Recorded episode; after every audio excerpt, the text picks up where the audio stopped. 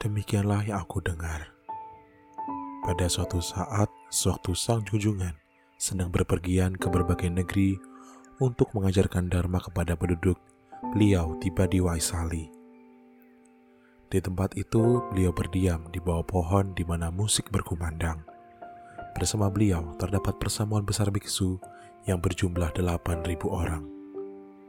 Hadir pula 36.000 bodhisatwa mahasatwa, para raja dengan menteri utamanya, brahmana, umat terpelajar, dewa, naga, yaksa, dan makhluk-makhluk ini mengelilingi Yang Buddha. Yang Buddha kemudian membabarkan Dharma kepada mereka. Pangeran Dharma Manjusri yang menerima kekuatan spiritual yang luhur dari Yang Buddha melalui inspirasi, bangkit dari tempat duduknya membetulkan letak bajunya dan berlutut dengan kaki kanannya. Dengan beranjali, ia memberikan penghormatan.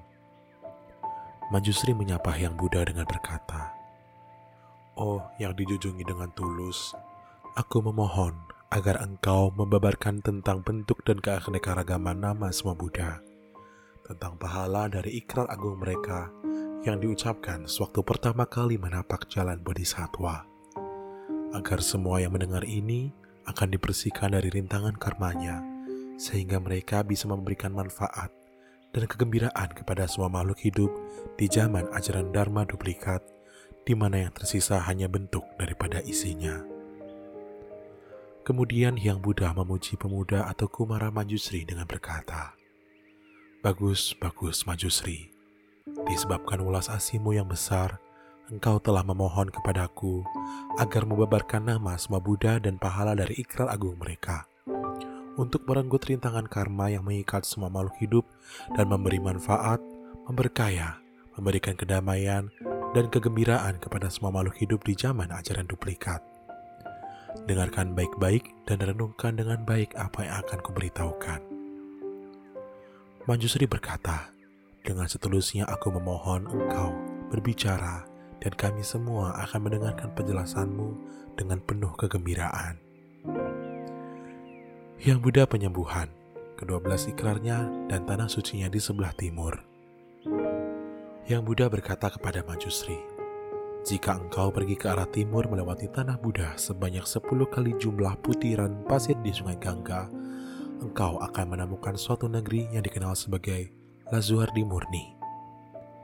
Budanya dikenal sebagai Tathagata Cahaya Lazuardi, guru penyembuhan, arahat yang mencapai penerangan sempurna Samyaksa Buddha, yang memiliki pikiran dan perbuatan sempurna, Widya Carana Sampana, yang telah menempuh jalan mulia Sugata, dia yang mengenal segenap dunia, Mekawit, makhluk tiada tandingan Anutara, penjinak nafsu, Purusadam Yasarati, guru dewa dan manusia, Sasta Dewa Manusianam, beliau yang sadar, Buddha Lokanata, dan beliau yang luhur, Bagawan.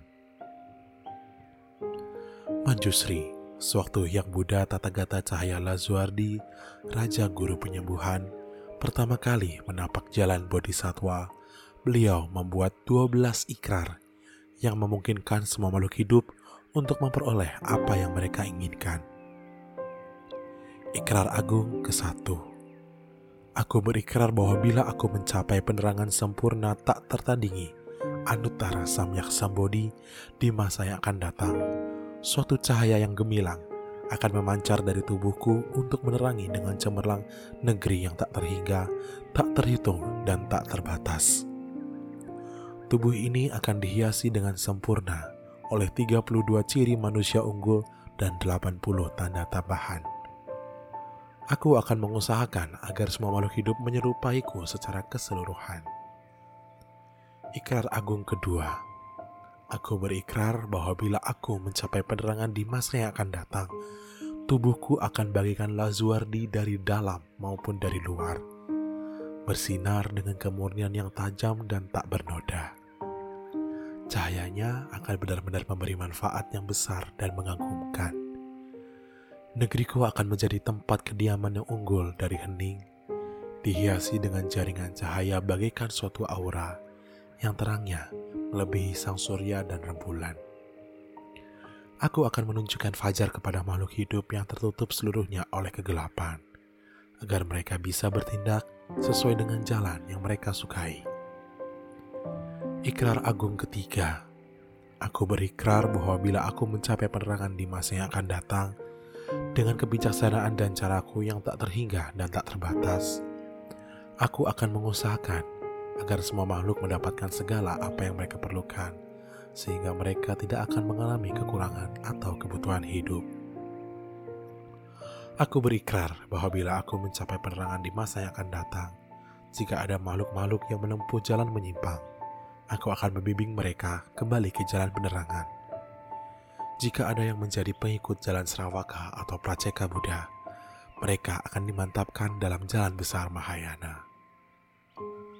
Ikrar agung kelima.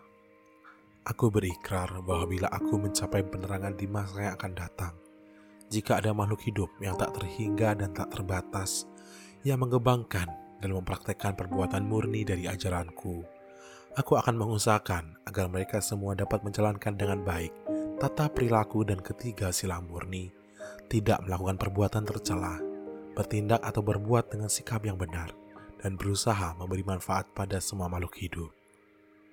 Mereka yang menghujat dan melanggar sesudah mendengar namaku, merenung dan memujanya dengan tulus, akan memperoleh kembali kemurnian dan tidak akan terjatuh ke dalam kehidupan yang menyedihkan. Ikrar Agung keenam Aku berikrar bahwa bila aku mencapai penerangan di masa yang akan datang, jika ada makhluk hidup yang badannya tidak sempurna, cacat organ indranya, jelek, bodoh, tuli, buta, bisu, lumpuh dan pincang, bongkok, sakit lepra, kejang, gangguan kejiwaan, atau dihinggapi berbagai penyakit dan penderitaan. Makhluk seperti ini bila mereka mendengar namaku, menyebut dan merenungnya dengan tulus, mereka akan memperoleh rupa yang bagus dan kecerdasan praktis. Semua organ indera mereka akan disempurnakan dan mereka tidak akan dihinggapi penyakit maupun penderitaan. Ikrar agung ketujuh, aku berikrar bahwa bila aku mencapai penerangan di masa yang akan datang, jika ada makhluk yang menderita sakit atau tertindas, yang tidak punya tempat berlindung dan kediaman, yang tidak mendapatkan dokter maupun obat, tanpa sanak saudara yang melarat dan berat penderitaannya. Segera setelah namaku terdengar dan disebut oleh mereka, segala penyakit mereka akan disembuhkan dan mereka akan merasakan ketentraman dan kegembiraan di dalam badan dan pikiran. Mereka akan mendapat keluarga dan kebutuhan yang berlimpah dan mereka sendiri akan mengalami penerangan sempurna di kemudian hari. Ikrar agung ke-8 Aku berikrar bahwa bila aku mencapai penerangan di masa yang akan datang, jika ada perempuan yang menderita, salah satu dari ratusan kesengsaraan yang dialami perempuan, yang pada akhir kehidupannya tidak ingin terlahir dengan tubuh perempuan lagi, bila perempuan ini mendengar namaku, menyebut dan merenungkannya, mereka semua akan memperoleh fisik laki-laki dengan dilengkapi ciri-ciri bagus dalam penitisan yang akan datang. Mereka semua akan mengalami penerangan sempurna di kemudian hari. Ikrar Agung ke-9 Aku berikrar bahwa bila aku mencapai penerangan di masa yang akan datang, aku akan mengusahakan agar semua makhluk hidup terlepas dari jaring marah. Mereka akan dibebaskan dari belenggu segala jalan menyimpang jika ada yang telah terseret ke dalam berbagai pandangan keliru yang tebalnya bagaikan hutan, aku akan menarik dan menempatkan mereka ke dalam pandangan yang benar. Aku akan mengusahakan agar mereka perlahan-lahan mengembangkan dan mempelajari semua praktek bodhisatwa sehingga mereka akan mengalami penerangan sempurna di kemudian hari. Ikrar Agung ke-10 Aku berikrar bahwa bila aku mencapai penerangan di masa yang akan datang, jika sesuai dengan yang tertulis di dalam undang-undang negara, ada makhluk hidup yang dirantai dan dicambuk, dibelenggu dan dijebloskan ke dalam penjara, atau yang akan dijatuhi hukuman mati, dan kepada siapa yang mengalami kesulitan, bencana atau petaka tidak habis-habisnya yang amat memalukan, menyedihkan dan menyusahkan, badan dan pikiran mereka menderita kegetiran ini. Jika orang seperti ini mendengar namaku dan merenungkannya, diberkahi oleh kekuatan spiritual yang mengagumkan dan pahala kebajikanku, mereka akan dibebaskan dari segala kesedihan dan penderitaan. Ikrar Agung ke-11 Aku berikrar bahwa bila aku mencapai penerangan di masa yang akan datang, jika ada makhluk hidup yang tersiksa oleh lapar dan haus, dan yang menciptakan karma buruk di dalam keputusasaan mencari penghidupan, jika mereka mendengar namaku, merenung dan mempertahankannya selalu di dalam pikiran mereka, maka aku akan memberi makanan dan minuman enak untuk memenuhi kebutuhan tubuhnya dulu. Sesudah itu, dengan memberi santapan ajaran Dharma, mereka akan menjadi tentram dan bergembira pada akhirnya dan dimantapkan di dalamnya. Ikrar Agung ke-12 Aku berikrar bahwa bila aku mencapai penerangan di masa yang akan datang, jika ada makhluk hidup yang miskin dan tidak memiliki baju, terganggu dan tersiksa siang malam oleh lalat dan nyamuk, panas dan dingin, bila mereka mendengar namaku, merenung dan mempertahankannya selalu di dalam pikiran, mereka akan memperoleh segala macam baju bagus dan indah sesuai dengan keinginan mereka. Mereka juga akan memperoleh segala macam perhiasan mahal, karangan bunga, serbuk dupa wangi, musik dan kenikmatan berbagai pertunjukan kesenian. Aku akan membuat mereka mendapatkan berlimpah-limpah apa yang mereka inginkan. Manjusri, inilah kedua belas ikrar besar Maha Pranidana mulia dan unggul yang diucapkan oleh Tata Gata Cahaya Lazuardi, Raja Guru Penyembuhan itu. Sewaktu beliau menapak jalan satwa mengenai pahala dan hiasan gemilang dari tanah budanya, sekalipun aku mencoba menceritakannya selama satu kalpa ataupun lebih lama, hal itu tidak akan terungkapkan sepenuhnya. Tanah Buddha Raja Guru Penyembuhan sampai sekarang masih luar biasa murninya, dan di situ tidak ada godaan, tidak ada kehidupan yang menyedihkan, seperti alam neraka, setan kelaparan dan binatang, dan tidak ada ratapan penderitaan. Tanahnya terdiri dari lazuardi dan pinggir jalannya dibatasi emas. Tembok dan gerbang, istana dan pavilion, balkon dan jendela, gorden dan tirai, semuanya terbuat dari tujuh permata mulia. Emas, perak, lazuardi, kuarsa, kristal, batu-batu akik, karnelian, dan rubi. Tempat itu menyerupai tanah Sukawati di sebelah barat. Pahala dan hiasannya tidak berbeda. Di negeri ini terdapat dua bodhisatwa mahasatwa, yaitu Surya Prabasana dan Chandra Prabasana. Mereka merupakan pemimpin dari kumpulan bodhisatwa yang tak terbatas dan tak terhingga di sana. Mereka sudah mampu mempertahankan dan membabarkan ajaran murni Tata Gata Cahaya Lazuardi, Raja Guru Penyembuhan. Untuk itu Manjusri, semua upasaka upasika yang memiliki keyakinan haruslah mempunyai keinginan untuk menitis di tanah Buddha itu. Yang Buddha membantu mereka yang karmanya telah membawa kesengsaraan. Yang dijunjungi kemudian berkata kepada pemuda Manjusri, Manjusri, ada makhluk yang tidak bisa membedakan antara yang baik dan yang jahat yang hanya menyukai ketamakan dan kekikiran. Mereka tidak tahu apa-apa tentang menyebarkan amal dan buah serta pahala dari beramal.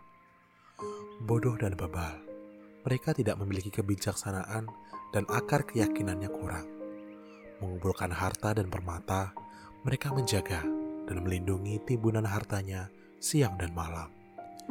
Bila mereka melihat seseorang pengemis datang, mereka menjadi tidak senang dan jika mereka tidak berhasil melindungi diri dan terpaksa memberi, mereka menyimpan kekesalan yang dalam dan menyakitkan seolah-olah bagian tubuh mereka terpotong. Selain itu, ada makhluk hidup yang kikir dan tamaknya tak terhingga. Mereka mengumpulkan kekayaan, dan karena mereka bahkan tidak menikmatinya sendiri, bagaimana mungkin mereka bisa memberikan kepada orang tuanya, istri dan anak-anak, pembantu, kuli, atau kepada pengemis? Pada akhir kehidupannya ini, makhluk ini akan terlahir kembali sebagai setan kelaparan dan binatang. Jika di dalam kehidupan sebelumnya sebagai manusia, makhluk ini pernah mendengar sepintas nama Tata Gata Cahaya Laswardi, guru penyembuhan. Dan di dalam alam kehidupan penyedihkan ini, dia masih teringat nama Tata Gata ini. Sewaktu dia merenung kembali nama Tata Gata ini, dia akan menghilang dari tempat itu dan terlahir lagi di dunia manusia memperoleh pengetahuan tentang kehidupan masa lalunya dan takut kembali ke alam menyedihkan. dia tidak akan menikmati kesenangan duniawi lagi. Dia akan cenderung mempraktekkan perbuatan yang bermanfaat. Dia akan memuji mereka yang suka memberi, dan dia tidak akan terikat pada miliknya dengan serakah. Satu persatu dengan menggunakan kepala, mata, tangan, kaki, darah, daging, dan potongan badannya, dia akan bisa membagi-bagikan amal bagi siapa saja yang datang memintanya. Apalagi untuk membagikan kekayaannya yang lain. Kemudian Manjusri, ada makhluk hidup yang telah melanggar larangan kemurnian moral atau sila, walaupun mereka telah menerima berbagai isi ajaran tata gata. Mungkin ada yang walaupun tidak melakukan pelanggaran, telah melanggar aturan sangha. Mungkin ada yang walaupun telah mematuhi larangan dan aturan dalam sikap yang benar, telah menganut pandangan menyimpang. Juga Mungkin ada yang walaupun menganut pandangan yang benar, telah meninggalkan kegiatan belajar. Dengan demikian, mereka tidak berhasil memahami prinsip yang dalam dari sutra yang diajarkan Hyang Buddha.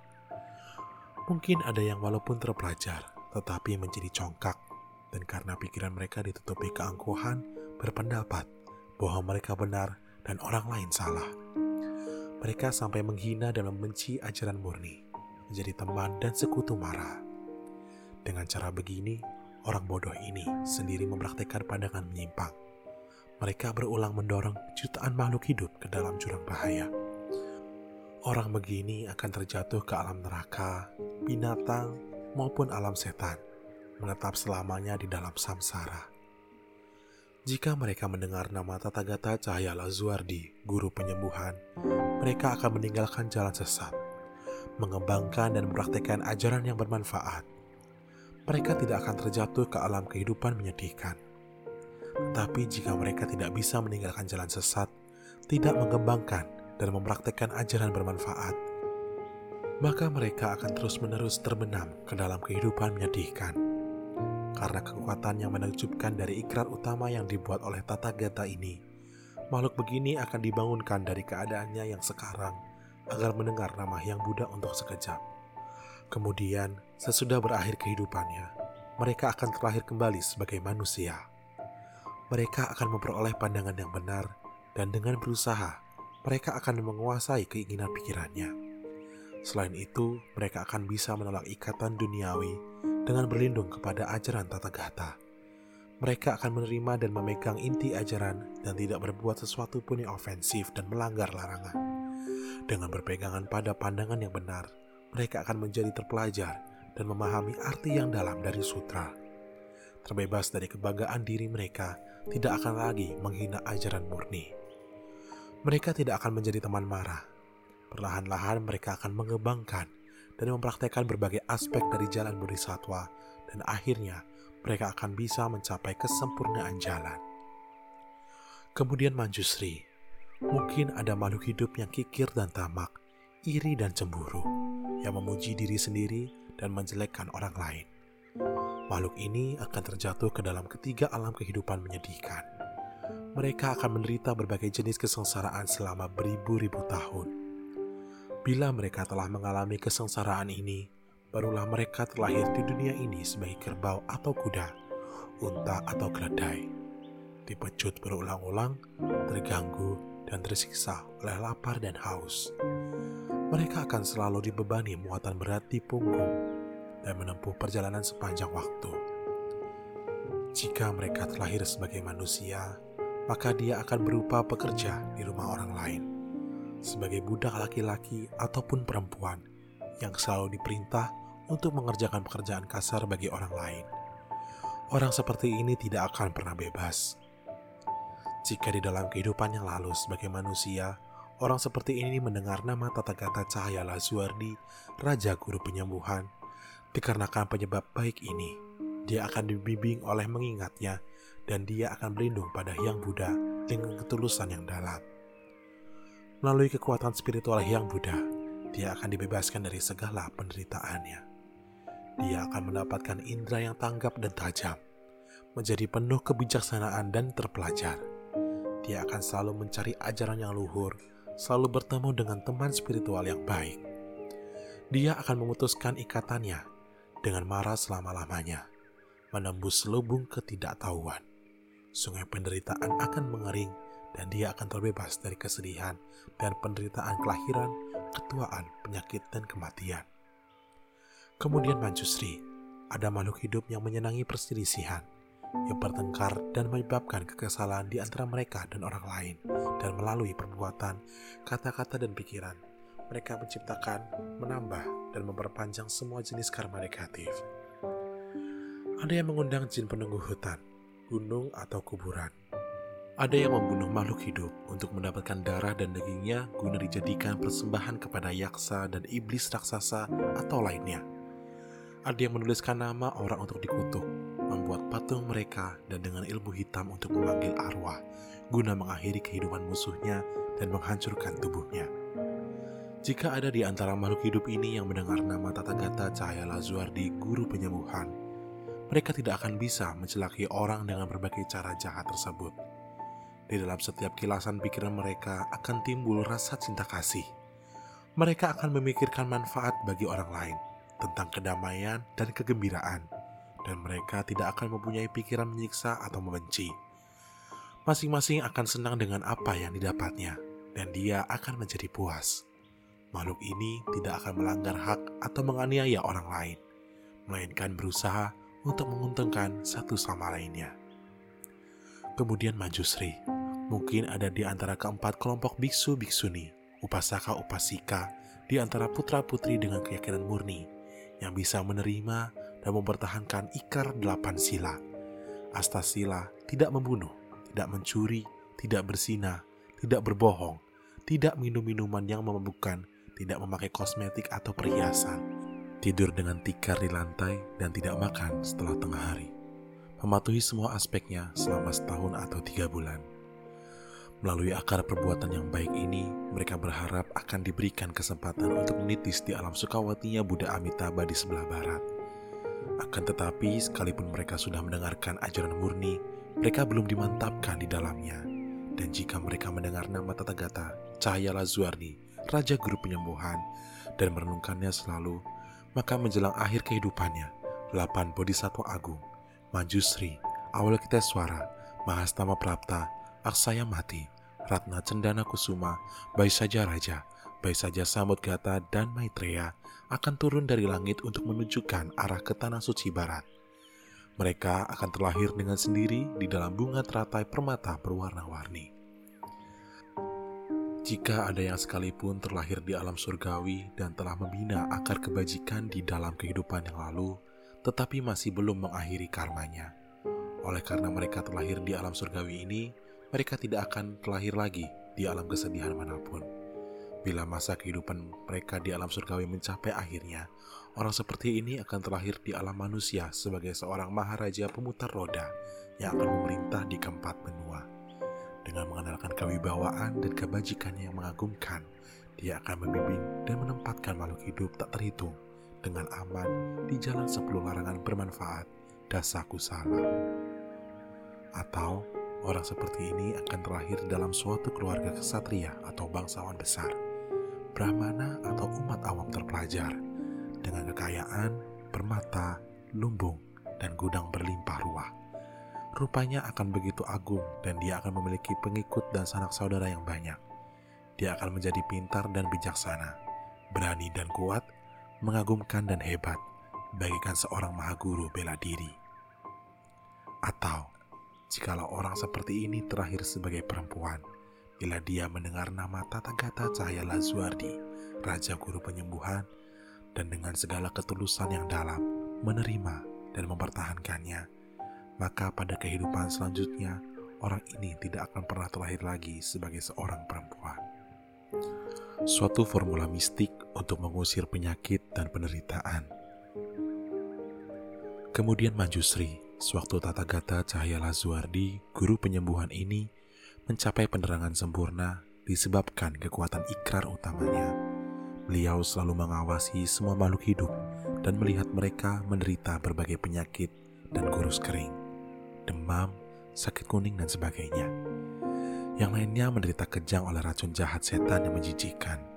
Selain itu, ada yang ditakdirkan berumur pendek atau terancam kematian sebelum waktunya. Untuk mengakhiri semua penyakit dan penderitaan sekalian makhluk hidup ini dan memenuhi semua keinginan mereka. Seketika itu sang junjungan memasuki samadhi yang disebut penghapus penderitaan semua makhluk hidup. Begitu memasuki samadhi ini, seberkas cahaya yang sangat terang memancar dari urna di antara alisnya dan daripadanya suatu darani agung berkumandang. Namo Baisaja Guru Waidurya Prabarajaya Tatagataya Arhate Samyak Sambudaya Tadiata Om Baisaje Baisaje Baisaja Samut Gate Swaha Aku memberi penghormatan kepada Raja Cahaya Lapis Lazuli Paduka Raja Pengobatan Gata, arahat yang memperoleh penerangan sempurna dengan berkata, untuk penyembuhan, untuk penyembuhan, hidup penyembuhan sempurna. Kemudian sesudah darani ini dikumandangkan, di antara cahaya ini terdengar suara gemuruh dan bergetarnya bumi yang hebat di alam Buddha tersebut, dan seberkas cahaya terang memancar keluar, sehingga segala penyakit dan kesengsaraan terhapus dari semua makhluk hidup dan mereka semua menjadi tentram dan bergembira. Oh Manjusri, jika ada putra atau putri baik yang menderita sakit, demi orang itu engkau harus membersihkan dan memandikannya secara teratur dengan sepenuh hati. Engkau harus memberinya makan, obat, dan air yang telah disaring agar bersih dari semua serangga. Sesudah mengucapkan darani sebanyak 108 kali atas bahan-bahan itu. Sesudah menelannya, semua penderitaan dan penyakitnya akan terhapus. Jika orang ini menginginkan sesuatu, dia harus mengingat darani ini dan mengucapkannya dengan ketulusan yang dalam. Dengan cara ini, dia akan memperoleh apa yang diinginkannya, terbebas dari penyakit dan panjang umur. Pada akhir kehidupannya, orang ini akan terlahir di negeri Buddha penyembuhan. Dia akan mencapai keadaan tanpa kemunduran, awai wartika, dan mendapat penerangan kemudian. Manjusri, itulah sebabnya putra dan putri baik harus rajin menyembah dan memuja Tata Gata Cahaya Lazuardi, guru penyembuhan dengan ketulusan yang dalam, dan mereka harus selalu memegang darani ini tanpa membiarkannya hilang. Kemudian Manjusri, putra atau putri dengan keyakinan murni yang mendengar semua nama dari Tata Gata Cahaya Lazuardi, guru penyembuhan, arahat yang mendapat penerangan sempurna, sesudah mendengarkannya harus mengucapkan dan mempertahankannya pada waktu subuh, mereka harus membersihkan gigi, mandi, dan mensucikan diri dengan berbagai bunga harum, dupa, minyak wangi, dan musik dari berbagai instrumen. Mereka harus memperbanyak sutra ini atau melalui orang lain, dan mereka harus menerima, menyimpan, dan mendalami prinsip-prinsipnya dengan sepenuh hati. Mereka harus memberikan persembahan kepada guru agama yang membabarkan prinsip-prinsip sutra ini dan menyediakan segala kebutuhan hidupnya tanpa membiarkannya mengalami kekurangan apa pun. Sesudah berbuat begitu, perilaku mereka pasti akan diketahui dan dicatat oleh para Buddha. Apa yang mereka inginkan akan terpenuhi, dan mereka akan secepatnya mencapai penerangan. Pemujaan Yang Buddha, penyembuhan, dan manfaatnya. Kemudian Bodhisattva Manjusri memberi hormat pada Yang Buddha dan berkata, Oh Paduka, aku berpikir bahwa pada zaman ajaran duplikat, dengan segala cara aku akan menyebabkan putra dan putri dengan keyakinan murni untuk mendengar nama Tathagata Cahaya Lazuardi, guru penyembuhan ini. Bahkan di dalam tidurnya, aku akan membisikkan ke telinganya nama Yang Buddha. Yang dijunjungi, mereka harus menerima dan mempertahankan sutra ini, membaca dan mengucapkannya. Selain itu, mereka harus membabarkan dan menjelaskan isinya kepada orang lain. Mereka sendiri harus memperbanyak sutra ini atau menganjurkan orang lain melakukannya, memuja dan menghormati sutra dengan berbagai jenis bunga harum, minyak wangi, dupa bubuk, dupa bakar, karangan bunga, kalung, panji, kanopi, tambur, dan musik. Dan mereka harus menggosok lantai, mencipratkan air muni untuk memurnikan tempat itu, kemudian mendirikan altar tinggi dan menaruh sutra ini dengan baik di atasnya. Pada saat itu, keempat Raja Dewa beserta pengikutnya yang berjumlah beratus-ratusan ribu di dalam persamuan dewa akan pergi ke tempat puja itu untuk menjaga dan melindunginya. Yang dijunjungi, jika di tempat di mana sutra ini dihargai dan dikenal, ada yang bisa menerima dan mempertahankannya, maka disebabkan oleh pahala ikrar utama Tata Gata Cahaya Lazuardi, Raja Guru Penyembuhan, dan dengan mendengar namanya, ketahuilah bahwa di tempat ini tidak ada lagi kematian sebelum waktunya. Juga, di tempat ini tidak akan pernah lagi hantu dan iblis jahat mencuri tenaga vital manusia. Mereka yang sudah mengalami penderitaan demikian akan mendapatkan kembali ketentraman dan kegembiraan sebelumnya atas badan dan pikiran. Yang Buddha memberitahukan Manjusri, demikianlah demikianlah itu akan terjadi tepat seperti yang engkau katakan Manjusri. Jika ada putra dan putri baik dengan keyakinan murni ingin memuja Tata Gata Cahaya Lazuardi, Raja Guru Penyembuhan, pertama-tama mereka harus membuat suatu gambar atau rupang dari wujud Buddha itu mendirikan suatu altar murni dan menempatkan gambar atau rupang itu dengan baik di atasnya. Mereka harus menaburkan berbagai jenis bunga di sana, membakar berbagai dupa, dan menghiasi meriah tempat itu dengan berbagai panji dan spanduk. Selama tujuh hari dan tujuh malam, mereka harus menerima dan menjalankan astasila, makan makanan murni, mandi dengan air murni dan wangi, dan memakai baju baru dan bersih. Mereka harus menjaga kebersihan dan keutuhan pikiran tanpa pikiran marah atau menyakiti makhluk lain. Terhadap sesama makhluk hidup, mereka harus menumbuhkan pikiran memberikan berkah dan manfaat, kedamaian, cinta kasih, kegembiraan, simpatik, dan keseimbangan. Mereka harus memainkan alat musik dan menyanyikan pujian sambil mengelilingi dari sisi kanan rupang yang Buddha. Selain itu, mereka harus merenungkan pahala ikrar utama dari Hyang Tathagata, mempelajari dan mengucapkan sutra ini mereka haruslah meresapi prinsip-prinsipnya saja dan membabarkan sutra ini sambil menjelaskan isinya yang utama kepada orang lain. Selanjutnya, semua hal menyenangkan yang diidamkan akan terkabul. Jika usia panjang yang diinginkan, maka panjang umur akan diberikan. Jika kekayaan dan kemewahan yang diinginkan, maka kemakmuran itu akan diperoleh. Jika posisi pejabat yang diinginkan, maka itu akan tercapai dan jika anak laki-laki atau perempuan yang diinginkan, maka anak itu akan dilahirkan.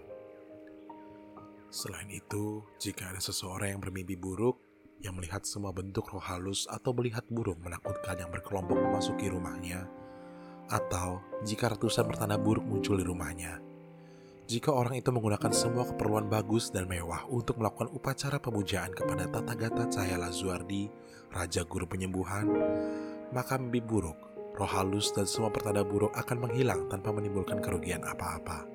Jika ada seseorang yang terancam oleh bahaya air, api, pisau, racun, tergantung di tebing, gajah liar, singa, harimau, serigala, babi hutan, ular beracun, kalajengking, kelabang, kaki seribu atau nyamuk, jika orang ini bisa mengingat Hyang Buddha dengan ketulusan yang sempurna dan memujanya dengan hormat, dia akan terbebas dari semua hal yang menakutkan ini. Jika ada negeri lain menyerbu dan mengganggu kedamaian, atau jika perampok dan pencuri membuat kerusuhan, orang yang mengingat dan memuja tata gata ini dengan penuh hormat juga akan terbebas dari gangguan ini. Kemudian Manjusri, mungkin ada putra dan putri baik dengan keyakinan murni yang sampai akhir kehidupannya belum pernah melayani atau memuja dewa mana pun dan telah berlindung dengan sepenuh hati kepada Buddha, Dharma, Sangha, menerima dan memegang sila, entah Pancasila, Dasa Sila, atau 250 sila bagi biksu atau 500 sila bagi biksuni. Namun barangkali orang ini takut bahwa dia akan terjatuh ke dalam alam kehidupan menyedihkan karena pernah melakukan pelanggaran sila yang diterimanya. Jika orang ini bisa berkonsentrasi sepenuhnya pada nama Yang Buddha tersebut dan memujanya dengan hormat, maka dia pasti tidak akan mengalami kelahiran di dalam ketiga kehidupan menyedihkan itu. Jika ada perempuan yang akan melahirkan menderita kesakitan yang hebat, dan jikalau dia bisa memuja nama dan dengan hormat serta dengan ketulusan yang dalam memuja gambaran tata gata itu, maka semua sakitnya akan hilang dan anaknya akan terlahir tanpa cacat. Rupa anaknya akan sempurna dan semua yang melihatnya akan berseru kegirangan dia jarang menderita sakit dan makhluk halus tidak akan pernah mencuri kekuatan vitalnya. Pentingnya keyakinan. Pada saat itu, yang dijunjungi memberitahukan Ananda. Semua pahala dari tata gata cahaya Lazuardi, Raja Guru Penyembuhan, sebagaimana aku telah memujinya barusan, adalah aspek dari jangkauan Dharma yang paling praktis dan luas dari Hyang Buddha. Sekalipun begitu, kesemua itu sangat sulit dipahami oleh para umat. Apakah engkau mempunyai keyakinan di dalamnya atau tidak? Ananda menjawab, Oh junjungan dengan kebajikan agung, aku tidak mempunyai keraguan terhadap Waipulya Sutra yang dibicarakan oleh Tata Gata. Mengapa begitu? Karena karma yang timbul oleh perbuatan, kata-kata, dan pikiran semua tata gata adalah murni seluruhnya. Oh junjungan, cakrama sang surya dan rembulan bisa dijatuhkan. Raja gunung yang tinggi dan agung atau gunung Semeru bisa dibuat bergetar, tetapi kata-kata yang Buddha tidak pernah berubah. Yang dijunjungi, akar keyakinan dari makhluk hidup adalah tidak sempurna sekalipun mereka mendengar gambaran tentang jangkauan kegiatan spiritual, perilaku, dan hasil kerja yang luas dari berbagai Buddha, makhluk dengan keyakinan tidak sempurna itu mungkin akan berpikir, bagaimana mungkin kita hanya dengan berkonsentrasi pada nama seorang Buddha, Tathagata Cahaya Lazuardi, guru penyembuhan, akan memperoleh pahala yang demikian mulia. Karena kekurangan keyakinan ini selanjutnya akan timbul menjelekkan dan memfitnah. Seterusnya makhluk ini kehilangan kegembiraan dan kebahagiaan seperti malam yang gelap dan panjang. Terbenam ke dalam kehidupan yang menyedihkan, tenggelam ke dalam samsara tanpa air. Yang Buddha memberitahu Ananda, jika makhluk ini mendengar nama Tathagata Cahaya Lazuardi, Raja Guru Penyembuhan, dan dengan ketulusan yang dalam menerima dan mempertahankannya tanpa keraguan, maka mereka tidak akan terjatuh dalam kehidupan menyedihkan. Ananda, memang sukar untuk memiliki keyakinan dan memahami perbuatan luhur dari para Buddha. Sekarang, engkau bisa menerimanya dan perlu engkau ketahui bahwa hal ini disebabkan oleh kekuatan yang mengagumkan dari tata gata itu. Ananda, para Serawaka, para Ceka Buddha, para bodhisatwa yang belum memasuki tahap bumi, dan semua lainnya tidak mempunyai keyakinan di dalamnya dan memahaminya dengan ketulusan demikian kecuali para bodhisatwa dengan satu kelahiran lagi atau Eka Jati Prati Prabada yang bisa memahaminya. Ananda, kelahiran sebagai manusia sulit diperoleh. Sekalipun tubuh manusia sudah diperoleh, juga sulit untuk menumbuhkan keyakinan, memuja, menjunjung dan menghormati Triratna. Bahkan lebih sulit lagi adalah diberi kesempatan mendengar nama Tathagata Cahaya Lazuardi, Raja Guru Penyembuhan. Ananda, Seandainya aku menceritakan praktek bodhisatwa yang tak terbatas, cara unggul dan bijaksana, upaya yang tak terhingga, dan ikrar agung, serta luhur tak terhitung dari tata gata Cahaya Lazuardi, guru penyembuhan itu, sekalipun aku menceritakannya untuk satu kalpa ataupun lebih lama, masa itu akan berlalu, tetapi perbuatan, ikrar dan cara bijaksana yang unggul atau upaya dari Buddha itu adalah tak habis-habisnya untuk diceritakan menyelamatkan mereka yang terancam kematian atau bahaya. Pada saat itu di dalam persamuan ada seorang bodhisatwa yang bernama menolong dan menyelamatkan atau Trana Mukta. Dia bangkit dari tempat duduknya dan mengelilingi Hyang Buddha, membetulkan letak bajunya, berlutut dengan kaki kanannya, dan menyembah dengan tangan anjali, dan berkata kepada Hyang Buddha, Oh jujungan dengan kebajikan agung, di dalam ajaran duplikat akan ada makhluk hidup yang diganggu oleh berbagai penderitaan, kurus kering oleh penyakit menahun, tidak bisa makan dan minum, tenggorokannya mengering dan bibirnya pecah-pecah.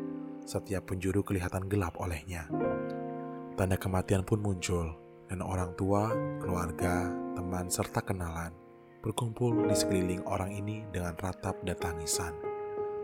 Kemudian, selagi tubuhnya terbaring di tempat semula dan dia direnggut oleh utusan Yama yang membawa arwahnya ke hadapan Raja Akhirat, kesadaran pembawaan atau wisnanya alaya yang melekat pada semua makhluk hidup yang mencatat semua perbuatan baik maupun jahat masing-masing makhluk itu akan menyerahkan catatan ini seluruhnya kepada Yama, Raja Akhirat. Kemudian, sang raja akan menginterogasi orang itu dan menjumlahkan perbuatan-perbuatan orang itu. Sesuai dengan karma positif dan negatif, dia akan mengadili orang itu. Jika keluarga, teman dekat, dan kenalan orang sakit itu bisa berlindung kepada Tata Gata Cahaya Lazuardi, Raja Guru Penyembuhan, demi kepentingan itu, dan jika mereka meminta persamuan biksu untuk mengucapkan sutra ini, menyalakan lampu tujuh tingkat dan mengantungkan panji untuk memperpanjang umur dari lima warna. Maka roh orang itu mungkin dikembalikan ke tubuhnya segera. Dia akan mengingat dengan jelas apa yang dialaminya bagaikan di dalam mimpi. Jika kesadarannya kembali sesudah melewati 7, 21, 35, dan 49 hari, dia akan merasa bagaikan terbangun dari tidurnya. Dan dia akan mengingat bahwa dia telah menerima pahala dan pembalasan dari karma baik dan buruknya karena dia sendiri menyaksikan dan mengalami pahala serta pembalasan dari karmanya. Dan disebabkan dia memperoleh kembali kehidupan ini dengan susah, dia tidak akan lagi berbuat karma buruk bagi dirinya di masa yang akan datang. Oleh sebab itu, putra dan putri baik dengan keyakinan murni, kalian semua harus menerima dan mempertahankan nama Tata Gata Cahaya Lazuardi, Raja Guru Penyembuhan, dan sehubungan dengan itu, selayaknya menyembah dan memujanya dengan semangat dan usaha yang sepenuhnya. Kemudian Ananda bertanya kepada Bodhisattva menolong dan menyelamatkan. Orang bajik, tolong jelaskan bagaimana seseorang harus menyembah dan memuja tata gata cahaya Lazuardi, Raja Guru Penyembuhan itu. Bagaimana caranya membuat Panji memperpanjang umur serta lampunya. Bodhisattva menolong dan menyelamatkan menjawab, Oh orang bajik, jika engkau ingin menolong orang sakit dari penderitaannya, Demi orang itu, engkau harus menerima dan menjalankan astasila selama tujuh hari dan tujuh malam. Engkau harus mengumpulkan makanan, minuman, dan harta lainnya, dan sesuai dengan kemampuanmu mengadakan persembahan kepada Sangha. Engkau harus melakukan upacara memuja tata gata cahaya Lazuardi, Raja Guru Penyembuhan, enam kali dalam satu hari dan satu malam. Membaca dan mengucapkan sutra ini 49 kali. Nyalakan 49 lampu dan visualisasikan atau bayangkan tujuh bentuk tata gata ini di dalam pikiran. Di depan setiap bentuk visualisasi, nyalakan tujuh buah lampu. Buatlah masing-masing lampu sebesar roda kereta.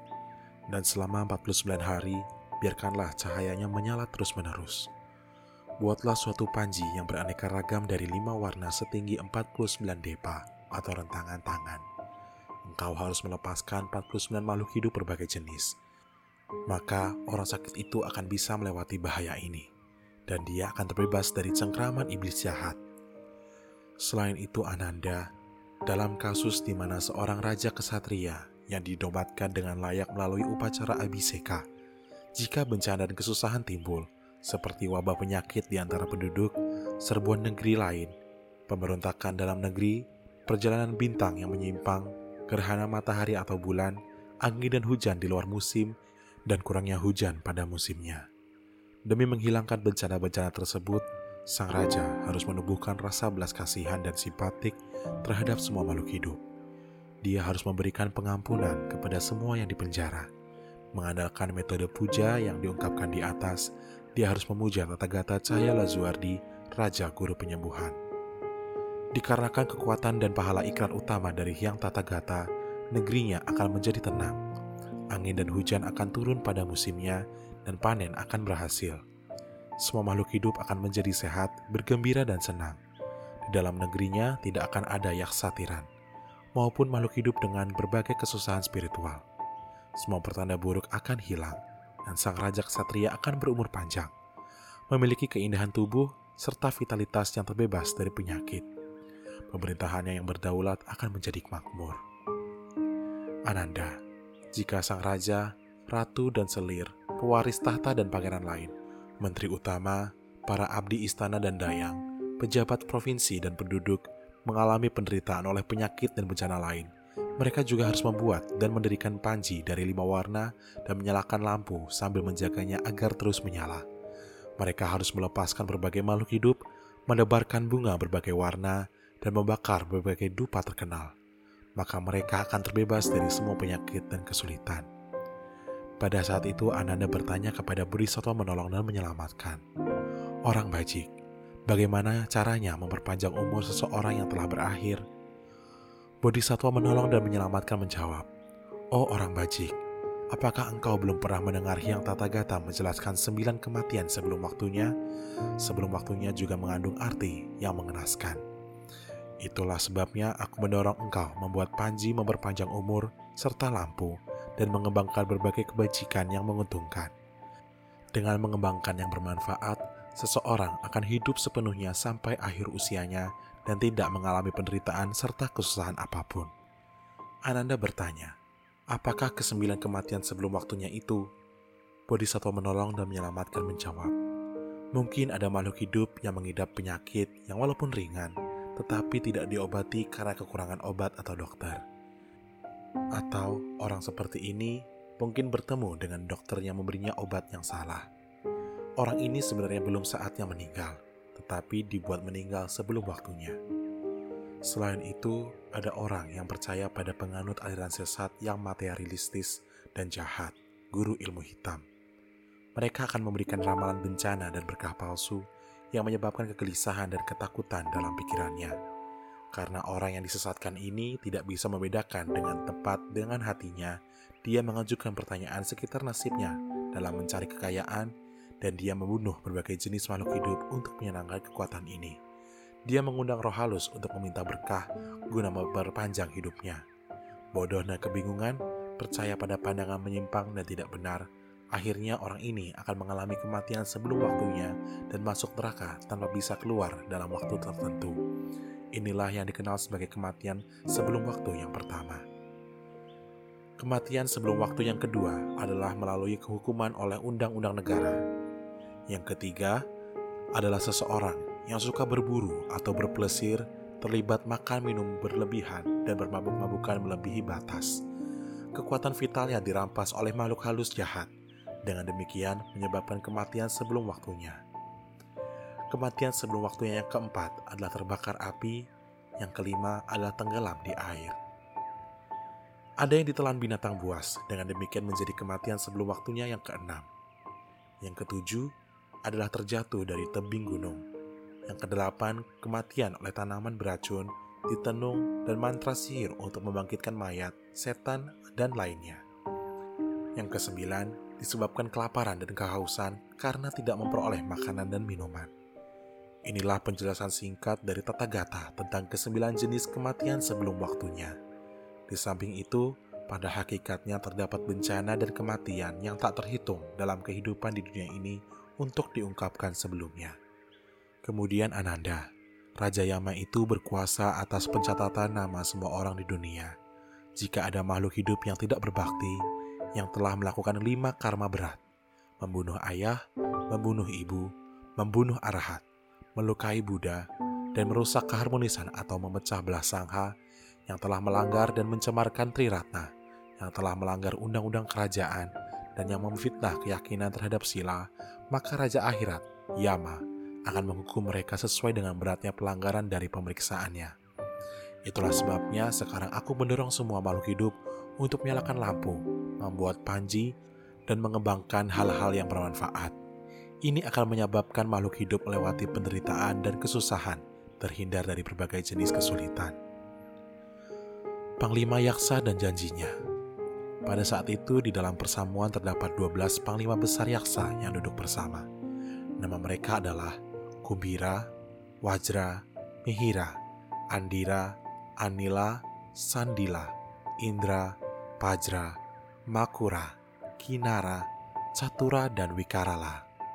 Masing-masing panglima yaksa ini mempunyai pasukan sebanyak 7.000 yaksa mereka bersuara serentak dan berkata pada Hyang Buddha, Oh junjungan, sesudah menerima kekuatan yang mengagumkan dari Hyang Buddha dan telah diberikan kesempatan mendengar nama Tathagata Cahya Lazuardi, Paduka Guru Penyembuhan, kami tidak akan pernah merasa takut terjatuh ke dalam kehidupan menyedihkan lagi. Kami semuanya mempunyai pikiran yang sama untuk berlindung sepenuhnya kepada Buddha, Dharma, dan Sangha. Kami beraspirasi untuk mengikul tanggung jawab melakukan perbuatan bermanfaat yang benar, memperkaya, memberi kedamaian dan kegembiraan kepada semua makhluk hidup, tanpa memandang desa, kota, ibu kota, atau hutan kecil tempat tinggal mereka. Berkenaan dengan mereka yang mengedarkan sutra ini, atau yang kemudian menerima dan mempertahankan nama Tathagata Cahaya Lazuardi, Guru Penyembuhan, menyembah dan memujanya, kami akan mengusahakan agar mereka terbebas dari semua penderitaan dan kesulitan semua keinginan dari orang ini akan terpenuhi. Mereka yang ingin terbebas dari penderitaan penyakit juga harus membaca dan mengucapkan sutra ini. Dengan menggunakan tali lima warna sebanyak 12 utas, mereka harus mengikat simpul dengan nama kami dan membuka simpulnya bila keinginan sudah terpenuhi. Pada saat itu, sang junjungan memuji semua panglima yaksa dengan berkata, Bagus, bagus, panglima yaksa benar. Bila engkau berpikir ingin membalas kemurahan hati berkah tata gata cahaya Lazuardi, Raja Guru Penyembuhan, engkau harus selalu melayani semua makhluk hidup dengan cara yang baru saja engkau katakan, dengan memberikan berkah dan manfaat, kedamaian, dan kegembiraan memberi nama sutra dan kesimpulan. Kemudian Ananda bertanya pada Hyang Buddha, Oh junjungan, nama apa yang harus diberikan pada ajaran ini dan bagaimana kami seharusnya menjunjungnya? Hyang Buddha memberitahukan kepada Ananda, nama ajaran ini adalah pahala atau kebajikan dari ikrar utama Tata Gata Cahaya Lazuardi, Guru Penyembuhan, juga disebut mantra suci dari ikrar mengikat kedua belas panglima yaksa untuk membuat semua makhluk hidup juga disebut merenggut semua selubung karma. Dengan cara ini, engkau harus menjunjungnya. Sesudah sang junjungan selesai berkata, semua bodhisatwa mahasatwa, Serawaka Agung, Raja-Raja Negeri, Menteri Utama, Brahmana, umat awam terpelajar, Dewa, Naga, Yaksa, Gandarwa, Asura, Garuda, Kinara, dan makhluk manusia maupun bukan, semua yang berada di dalam persamuan besar yang mendengar ajaran Hyang Buddha bersuka cita. Mereka menerima dan mempraktekkan dengan tulus ajaran, sutra terhadap kebajikan, atau pahala ikrar utama tata gata Cahaya Lazuardi, guru penyembuhan ini.